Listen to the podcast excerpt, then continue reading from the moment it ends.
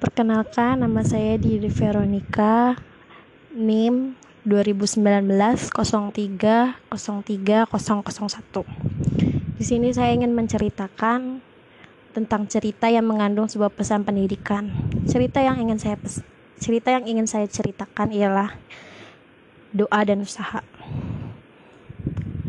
Di sebuah sekolah swasta yang cukup terkenal dan elit, terdapat salah, salah satu seorang siswi yang memiliki karakter pendiam, tidak banyak bicara, memiliki teman yang sedikit, dan bisa dikatakan seorang siswi ini termasuk ke dalam golongan pribadi yang cukup tertutup.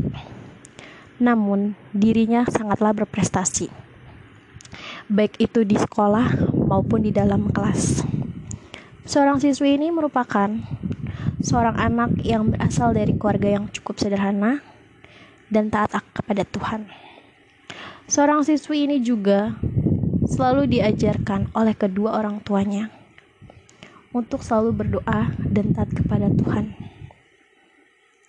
Dan ia juga diajarkan oleh kedua orang tuanya untuk mau mengasihi sesamanya dan mau untuk melayani. Meskipun siswi ini terlahir di karangan keluarga yang sangat sederhana, tetapi tidak membuat dirinya ini menjadi patah semangat ataupun merasa minder untuk mencapai cita-citanya. Terlebih dalam mencari serta menuntut ilmu. Dan selain itu juga, seorang siswi ini juga seorang pribadi yang mau membantu sesamanya serta menghormati kedua orang tuanya. Seorang siswa yang dimaksud tersebut, ia bernama Kol. Sebut saja dia Kol. Kol merupakan anak perempuan satu-satunya, atau bisa dikatakan dia merupakan anak tunggal. Tetapi, Kol merupakan anak yang memiliki api semangat yang tinggi serta besar untuk membahagiakan kedua orang tuanya. Meskipun hanya dengan cara yang sederhana, tetapi Cole selalu melakukan yang terbaik demi membahagiakan kedua orang tuanya. Pada suatu ketika, Cole memiliki cita-cita dan keinginan untuk bersekolah di sebuah sekolah favorit, sekolah swasta favorit yang menjadi kegemarannya atau yang menjadi cita-citanya. Tetapi orang tua Kol tidak memiliki biaya. Sehingga pada saat itu harapan Kol hampir putus dan hampir tidak memiliki harapan serta motivasi. Hingga suatu ketika Kol bertanya kepada ibunya mengenai keinginannya yang ingin bersekolah di sekolah impiannya tersebut. Dan Cole pun mengatakan kepada ibunya demikian. Ibu, Cole ingin bersekolah di sekolah itu karena karena sekolah itu merupakan sekolah impian Cole dan sekolah itu juga merupakan cita-cita Cole yang sudah kau impikan dari dulu. Mendengar perkataan kol tersebut, ibu kol hanya tersenyum dan mengelus kepala anaknya. Dan ibu ibu kol pun mengatakan, kalau kamu memiliki cita-cita untuk bersekolah di sekolah itu, kamu harus berusaha kuat tenaga kamu dan minta pertolongan Tuhan kalau Tuhan mengizinkan kamu untuk bersekolah di situ, maka Tuhan akan membukakan jalan bagimu.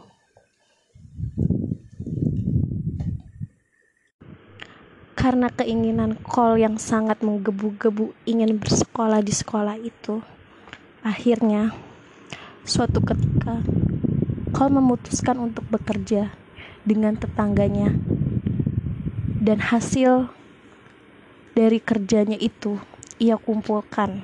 Kol kumpulkan untuk membiayai biaya lesnya setiap hari. Dan juga ia menabung untuk bisa memenuhi kebutuhan sekolahnya. Dan agar ia juga dapat mendaftar di sekolah favorit yang menjadi impiannya tersebut.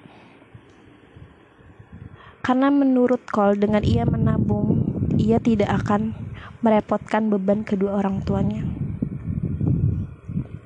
Dan perjuangan Cole tidak hanya berhenti sampai di situ aja, tetapi Cole selalu mengingat apa yang sudah dikatakan oleh ibunya. Maka dari itu, selain ia bekerja, di saat ia pulang sekolah dan menabung, Cole juga berdoa, terus menerus berdoa, dan semakin aktif melayani di lingkungan sekitarnya, termasuk di gerejanya. Hingga suatu ketika, Cole datang ke sekolah yang diimpikannya tersebut untuk mendaftar bersama dengan kedua orang tuanya. Kedua orang tua Cole hanya berusaha mendampingi serta memberi semangat kepada Cole. Dan saat mereka tiba di sekolah, betapa senangnya Cole karena ia akhirnya bisa melihat sekolah yang ia impikan dari dulu. Hingga pada akhirnya, setelah sampai di sekolah tersebut, Betapa terkejutnya Cole ketika mengetahui bahwa dirinya membawa bahwa dirinya mendapatkan bantuan dana dari gerejanya untuk bisa bersekolah di sekolah favorit atau di sekolah yang dia impikan ini. Betapa terkejutnya Cole dan betapa bahagianya Cole mendengar bahwa dirinya diterima di sekolah itu dan mendapatkan bantuan dari gerejanya sampai ia lulus dari sekolah itu. Mendengar perkataan itu pun, baik Cole maupun kedua orang tuanya sangat senang. Dan secara refleks, kedua orang tuanya pun itu memeluk Cole dengan erat. Dan Cole pun menangis bahagia karena mengetahui dirinya telah berhasil masuk ke dalam sekolah favorit itu.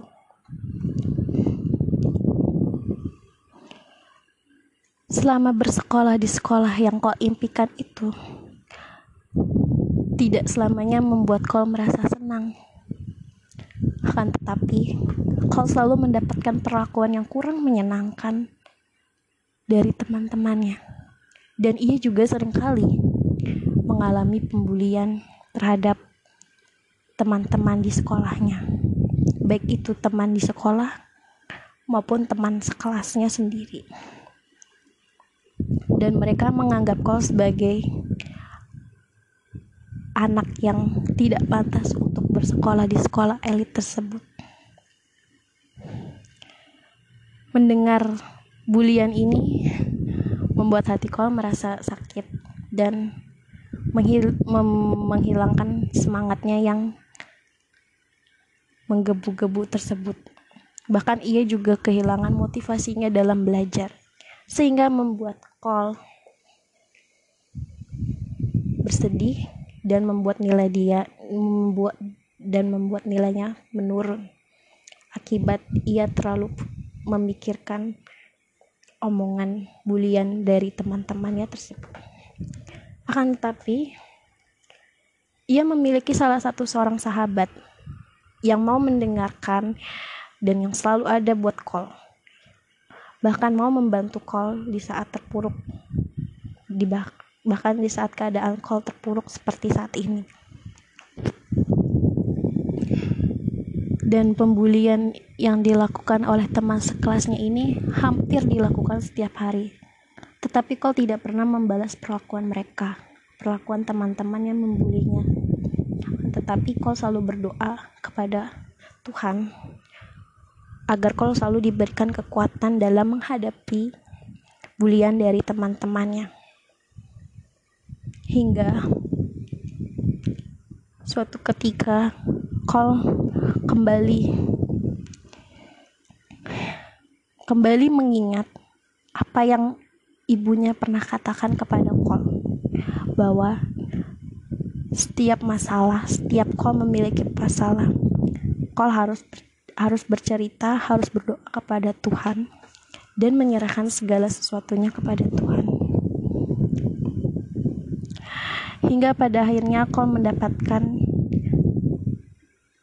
akhirnya kau berada dalam titik terendahnya di mana ia merasa dirinya tidak berguna karena setiap hari dirinya selalu dibully oleh teman-teman sekelasnya.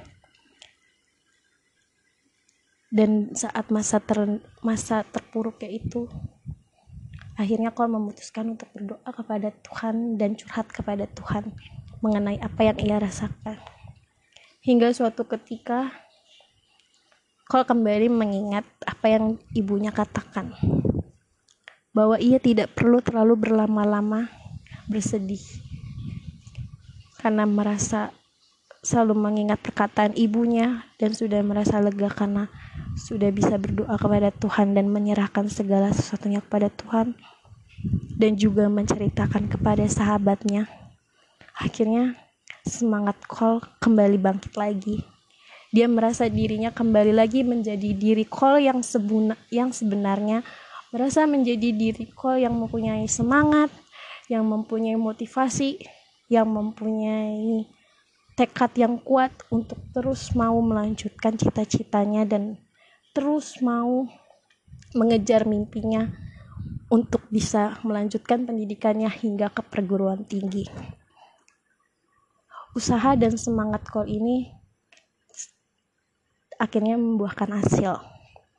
Meskipun ia sering dibully, pada akhirnya Kol bisa kembali bangkit dan menunjukkan dirinya bahwa dirinya itu mampu. Dirinya itu bisa. Dirinya itu kuat. Dirinya itu bisa membahagiakan kedua orang tuanya. Dirinya itu tidak merepotkan beban orang tuanya. Dan akhirnya Kol pun dapat lulus di sekolah tersebut dengan nilai UN tertinggi di sekolahnya bahkan tidak hanya itu Kol juga sangat berprestasi, baik itu dalam bidang akademik maupun non-akademik di sekolahnya. Dan akhirnya, Cole pun mendapatkan beasiswa untuk melanjutkan ke perguruan tinggi, yang di mana Cole juga ingin sekali masuk ke perguruan tinggi tersebut. Pesan yang ingin disampaikan dalam cerita Cole ini semangat kol usaha serta doa serta dukungan dari orang tua itu memang sangat penting dalam mengejar suatu mimpi atau impian keinginan tapi yang paling utama adalah jika kita mempunyai keinginan atau cita-cita hendaknya kita harus berdoa dan juga harus disertai dengan usaha agar semuanya itu menjadi seimbang dan dapat berjalan dengan baik. Bahkan jika kita hanya melakukan usaha aja tetapi tidak disertai dengan doa, terkadang hasilnya kurang memuaskan atau bahkan tidak terjadi apa yang kita ingin tidak terjadi apa yang kita inginkan cita-cita yang kita inginkan tersebut. Akan tetapi, jika dilakukan juga dengan berdoa dan juga usaha, terkadang kita mendapatkan hasil yang benar-benar di luar dugaan kita. Karena rencana Tuhan selalu rencana yang terbaik. Sekian cerita dari saya. Terima kasih. Natal merupakan suatu perayaan yang identik dengan suatu kegembiraan berserta dengan sukacita. Tetapi, bagaimana kita dapat memaknai arti dari kata perayaan Natal tersebut? Melalui kisah ini, kita dapat memaknai apa itu apa itu arti dari makna perayaan Natal. Kisah ini berjudul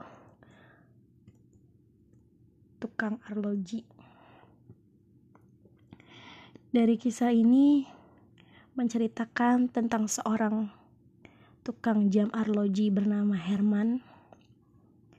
Dia ini merupakan dia ini sering dibicarakan oleh orang-orang di sekitarnya, termasuk warga-warga di gerejanya, karena dirinya tidak pernah memberikan persembahan kepada Tuhan Yesus dan juga Bunda Maria.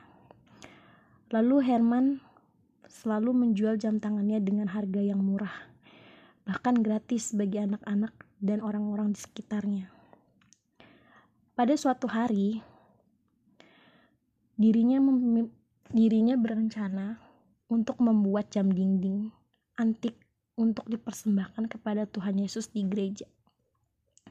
Tapi suatu hari, suami dari tetangganya yang bernama Truth masuk rumah sakit dan Truth meminta bantuan kepada Herman karena dia tidak punya uang untuk berobat.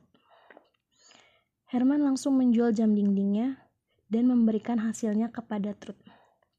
Dan esok harinya, saat perayaan Natal pun tiba, Herman kembali diolok-olok oleh warga saat di gereja, bahkan dipukuli. Tapi setibanya di altar, di bawah patung Tuhan Yesus dan juga Bunda Maria, seseorang berteriak, "Muzizat, muzizat!" Karena jam dinding yang Herman buat tersebut tiba-tiba ada di atas meja dan semua hadiah untuk Tuhan Yesus dan juga Bunda Maria jatuh dan hanya ada hadiah Herman di situ. Air mata menetes dari tukang arloji itu karena menurut Herman inilah hadiah. Inilah hari Natal yang paling indah dalam hidupnya. Jadi melalui kisah Herman ini kita dapat belajar bahwa memaknai Natal itu tidak se harusnya memberikan hadiah yang mewah, hadiah yang mahal. Tapi dengan kita memberikan hadiah yang terbaik buat Tuhan, Tuhan akan menghargainya itu. Dan bagi Herman, meskipun dirinya sering diolok-olok oleh warga di gerejanya, tetapi ia mempersembahkan kado Natal terindahnya untuk Tuhan Yesus. Meskipun bukan seberapa dan tidak terlalu mahal, tetapi dirinya bisa memaknai makna Natal yang sangat berkesan untuk dirinya.